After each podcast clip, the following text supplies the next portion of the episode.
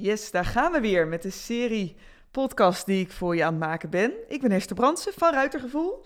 En de ehm, podcast van deze keer die gaat over, ehm, ja, eigenlijk over wat verschillende dingetjes. Over uh, wenden, over uh, sturen, maar vooral gaat het erover wanneer weet ik dat het goed is.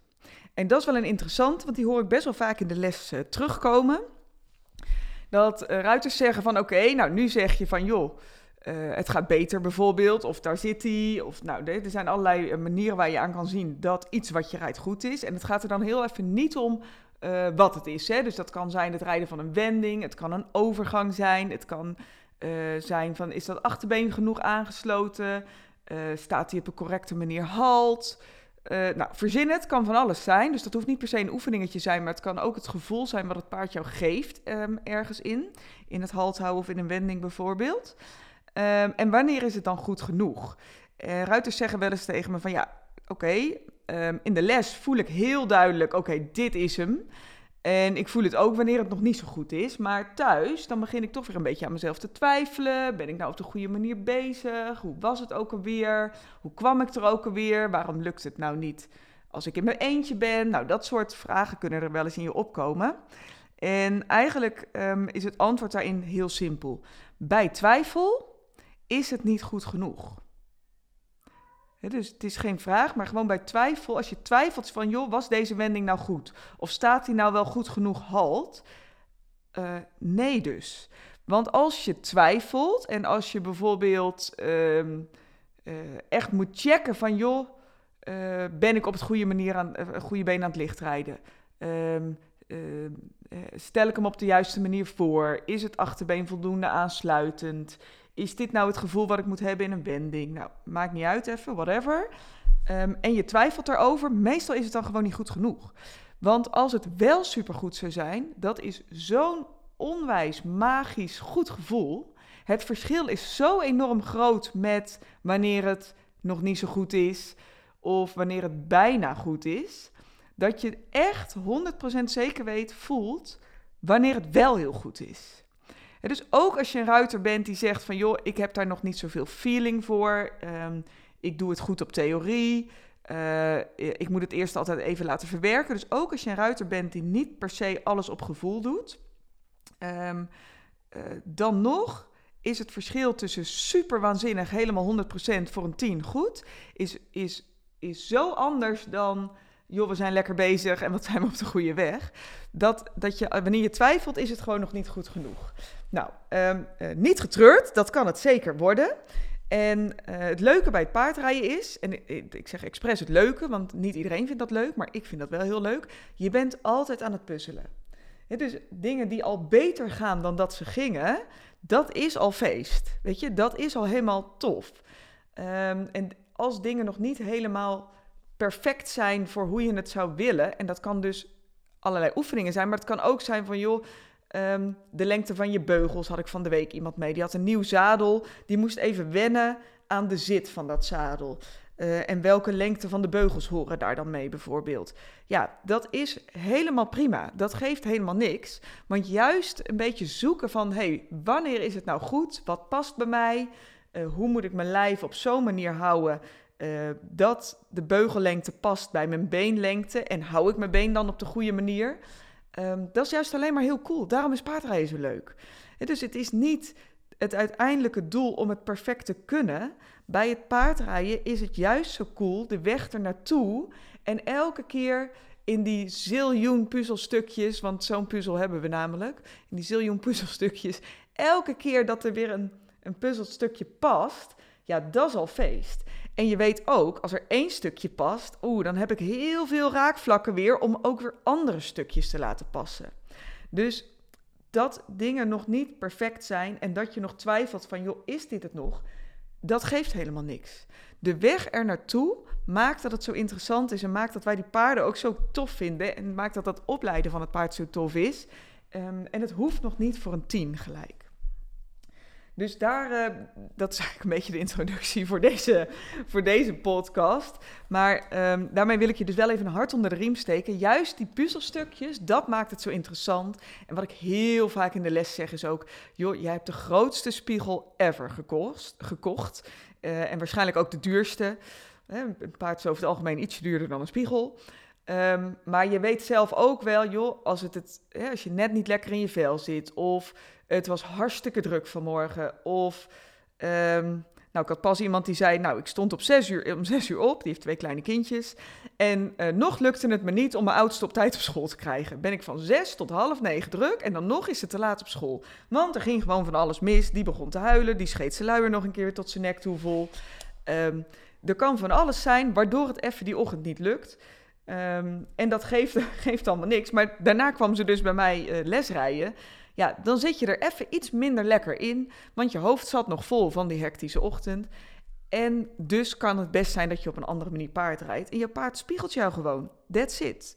dus als jij je helemaal goed voelt en je bent super fit en je hoofd is lekker, uh, nou leeg wil ik niet zeggen, maar in ieder geval uh, goed gefocust met wat je zou moeten doen op je paard. Um, dan lukt het ook. En dan hoef je er ook allemaal niet zoveel over na te denken. Dat is dat stukje wat je vast wel een keer hebt gehoord over onbewust bekwaam. Je, je hoeft er niet meer over na te denken, het lukt gewoon. En heel veel ruiters, die zijn ook hartstikke lekker aan het rijden. Het gaat toch goed? Um, ik ervaar helemaal geen problemen of moeilijkheden.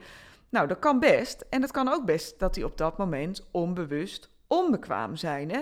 Dus je hebt het nog niet in de gaten, maar misschien zijn er nog wel wat dingetjes die te verbeteren zijn.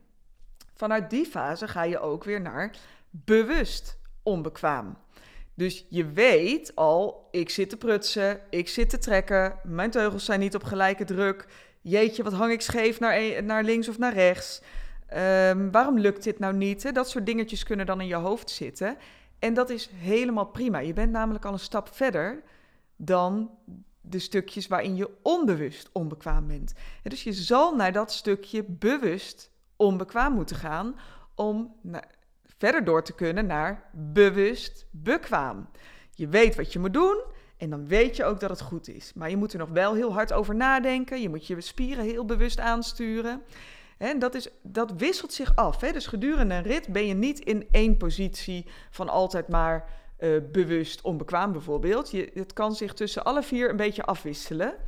En wat paardrijden natuurlijk zo cool maakt, is dat het je echt in een bepaalde flow kan brengen als je onbewust bekwaam bent. Hè? Dat het gewoon lukt.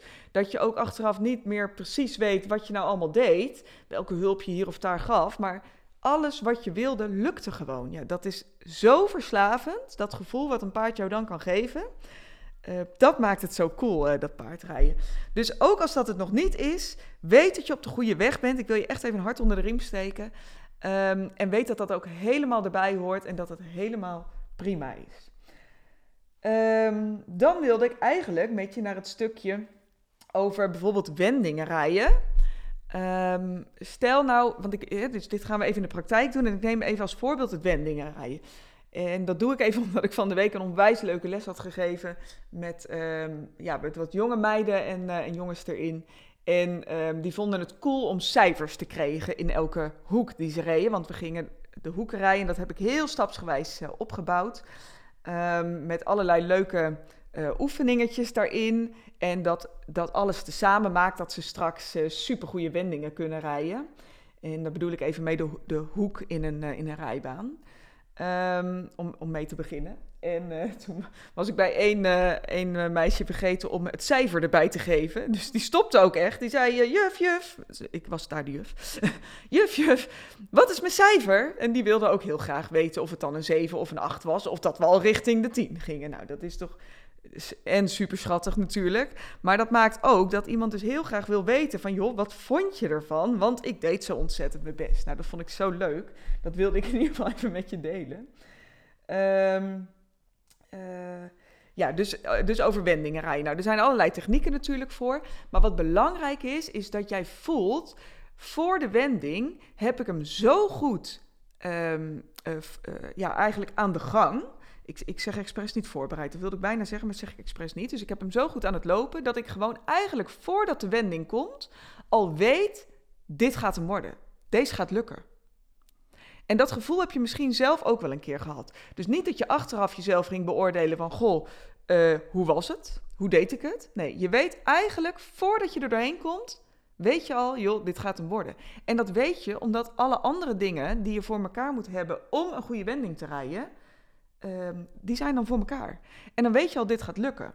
Dus ik neem nu even het wendingen rijden. Als je op de lange zijde al weet van, joh, ik heb hem hartstikke goed gespoord. Hè? Dus ik kan het voorbeen plaatsen, het achterbeen treedt bij.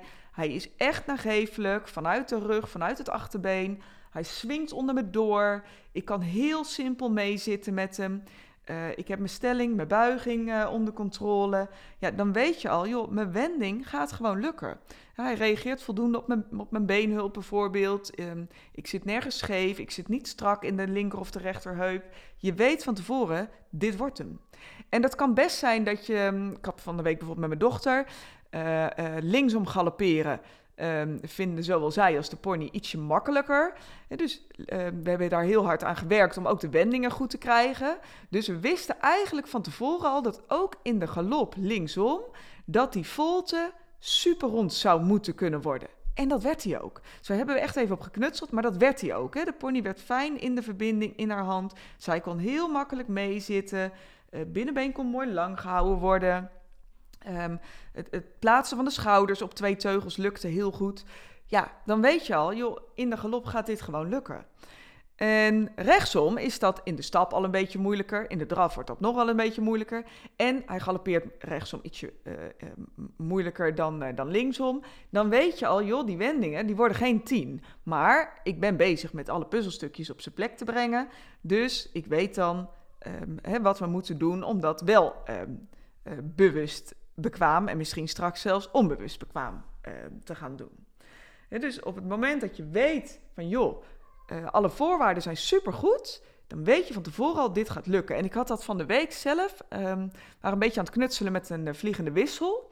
En ik benadruk echt een beetje, want dan doe ik er dus um, de afgelopen twee maanden zeg maar niks aan, want nou ja, allerlei redenen um, in, de, in de planning, waardoor ik uh, um, even het voor mijn paard helder wilde hebben dat het vooral niet de bedoeling was in de proef om een wissel te springen. Um, dat is ook een keuze, hè? Dat, dat verschilt nog wel eens een beetje. Maar voor die twee maanden hebben we denk ik drie keer een ritje een klein beetje daarmee geknutseld. En ook daarin uh, hebben we dan eerst een keer bijvoorbeeld, of eerst heel goed die eenvoudige wissels uh, uitgewerkt. Dus het is niet zo dat het out of the blue begon. Maar we hebben vooral gewerkt aan de manier van galopperen. Kan ik hem verder opnemen op het achterbeen? Blijft hij dan heel goed galopperen of gaat hij stuiteren? Nou, al dat soort voorwaarden moeten goed zijn. En ik had van de week een rit. Ik zat in de contragalop. Ik had totaal onder controle. Het lukte gewoon. Ik wist gewoon, hij gaat er niet uitvallen. Hij springt niet om. Ik kan hier gewoon rondjes lang in doorrijden. En dat, dat gevoel heb je wel eens, hè, van joh, dit, dit is hem gewoon en dit kunnen wij gewoon volhouden. Dat ik dacht, nou, als dat voor elkaar is, en er zitten nog wel wat andere dingetjes, weet ik gewoon, als ik nu mijn wisselhulp geef, dan lukt hij. En dat lukte natuurlijk ook. Dus dat was ook echt, nou ja, champagne open zeg maar. Nou, niet letterlijk, maar dan heb ik echt feest. Want ik weet van tevoren al, dit gaat lukken. En de andere zijde net zo van hand veranderen. Eerst een stuk contra, mooi recht maken, mooi hol maken voor mijn nieuwe binnenbeen. Nou, over de hulp ga ik nog een keer een podcast opnemen voor je. Maar ik wist van tevoren, hij gaat hem gewoon doen. Ook al had ik twee maanden lang geen wissel geoefend, hadden we, dat niet, hadden we daar niet aan gewerkt. En, die, en voor die twee maanden heb ik daar maar drie keer in een rit, hè, dus drie ritten, een heel klein beetje daar een aanraking op gegeven. Dus dan heb ik het niet over tien wissels per rit. Dan heb ik het echt over uh, twee keer naar links en twee keer naar rechts. That's it. Dus de voorwaarden zijn dan zo verdomd goed voor elkaar dat ik op het moment dat ik het weer aanvraag bij hem. En dat is dus nog helemaal niet iets wat hij als gewoonte doet. Dat is echt nieuw voor hem. Het is nog een jong paard. Um, maar hij doet ze dan gewoon. Ja, dat is echt zo'n vet en magisch gevoel. Dat gun ik jou ook. uh, en dan hoeft dat helemaal niet alleen bij een wissel te zijn, maar meer het gevoel van, joh, ik heb het onder controle. Um, ja, dus dat gaat voor wendingen, dat gaat voor wissel, dat gaat voor, nou maakt niet uit op welk niveau je, je, rijdt. Je kan het altijd soort uitfilteren in allemaal kleine stapjes, in de voorbereiding die overal bij hoort. En dan weet je dus van tevoren al eigenlijk uh, eh, 100% zeker, dit gaat lukken. En dat is echt zo'n cool gevoel.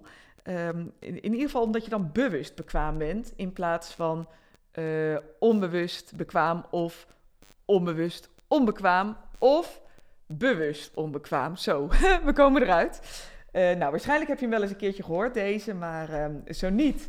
Um, dan is dit uh, echt een hele mooie eye-opener voor je. Nou, daar heb ik natuurlijk iets op gevonden om jou te helpen met nog bewuster bekwaam te gaan rijden.